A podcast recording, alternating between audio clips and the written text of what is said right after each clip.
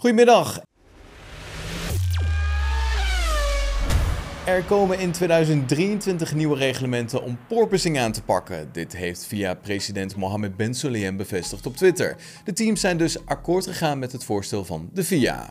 Met deze nieuwe reglementen moet porpoising vanaf volgend jaar verminderen en het liefst voorkomen worden. De FIA zal de nieuwe reglementen, waar nog niets over bekend is, naar de World Motorsport Council sturen voor goedkeuring. Porpoising heeft bij een paar coureurs gezorgd voor fysieke klachten. Vanaf de Grand Prix van België zal er dan ook een nieuwe technische richtlijn in werking gaan. De nieuwe reglementen in 2023 die nu door de FIA-president aangekondigd zijn, moeten een vervolg zijn op deze regels.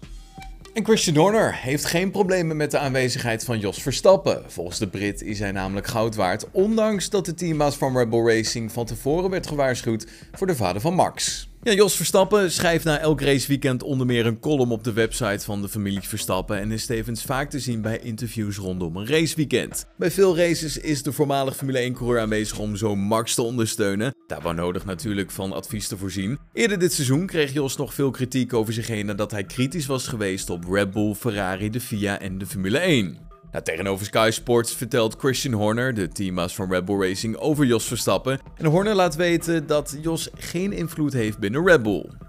Nee, we hebben een contract met Max. Ik heb wel een aantal horrorverhalen gehoord over Jos uh, voordat hij bij ons kwam. Maar bij ons is hij goud waard. Hij heeft nooit echt problemen veroorzaakt.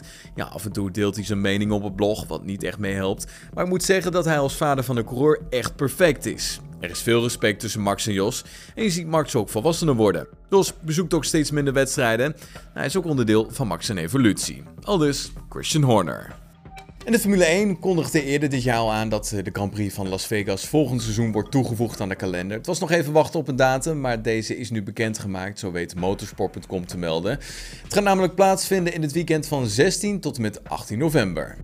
Ja, hoe de soap rondom Oscar Piastri gaat eindigen, dat weet nog niemand. Maar mocht de Australiër na McLaren verkassen, dan verwacht Otmar Zafnauer een schadevergoeding. De teambaas legt uit dat het Franse team flink in de Formule 2 kampioen heeft geïnvesteerd. Dat heeft het team niet gedaan om hem klaar te stomen voor de concurrentie.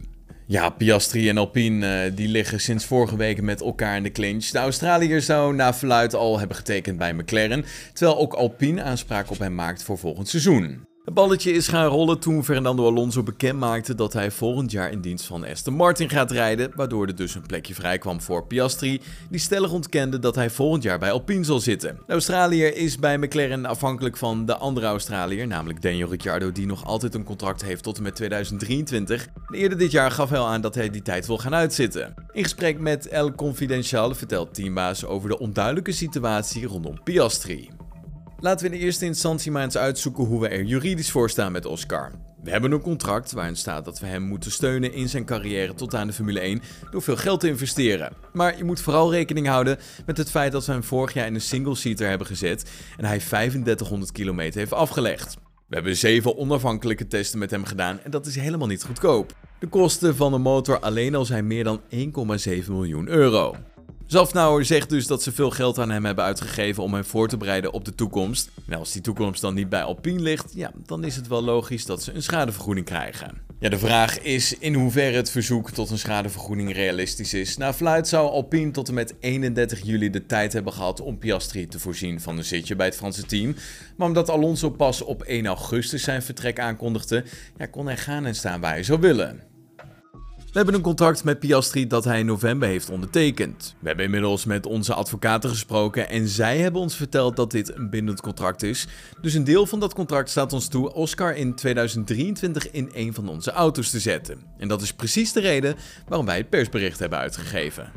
Was hem dan het GP nieuws van de dinsdagmiddag. Heb je genoten van deze aflevering? Laat je dan horen op onze Apple Podcast pagina of vergeet ons niet te volgen op Spotify. Tot dan. Hoi.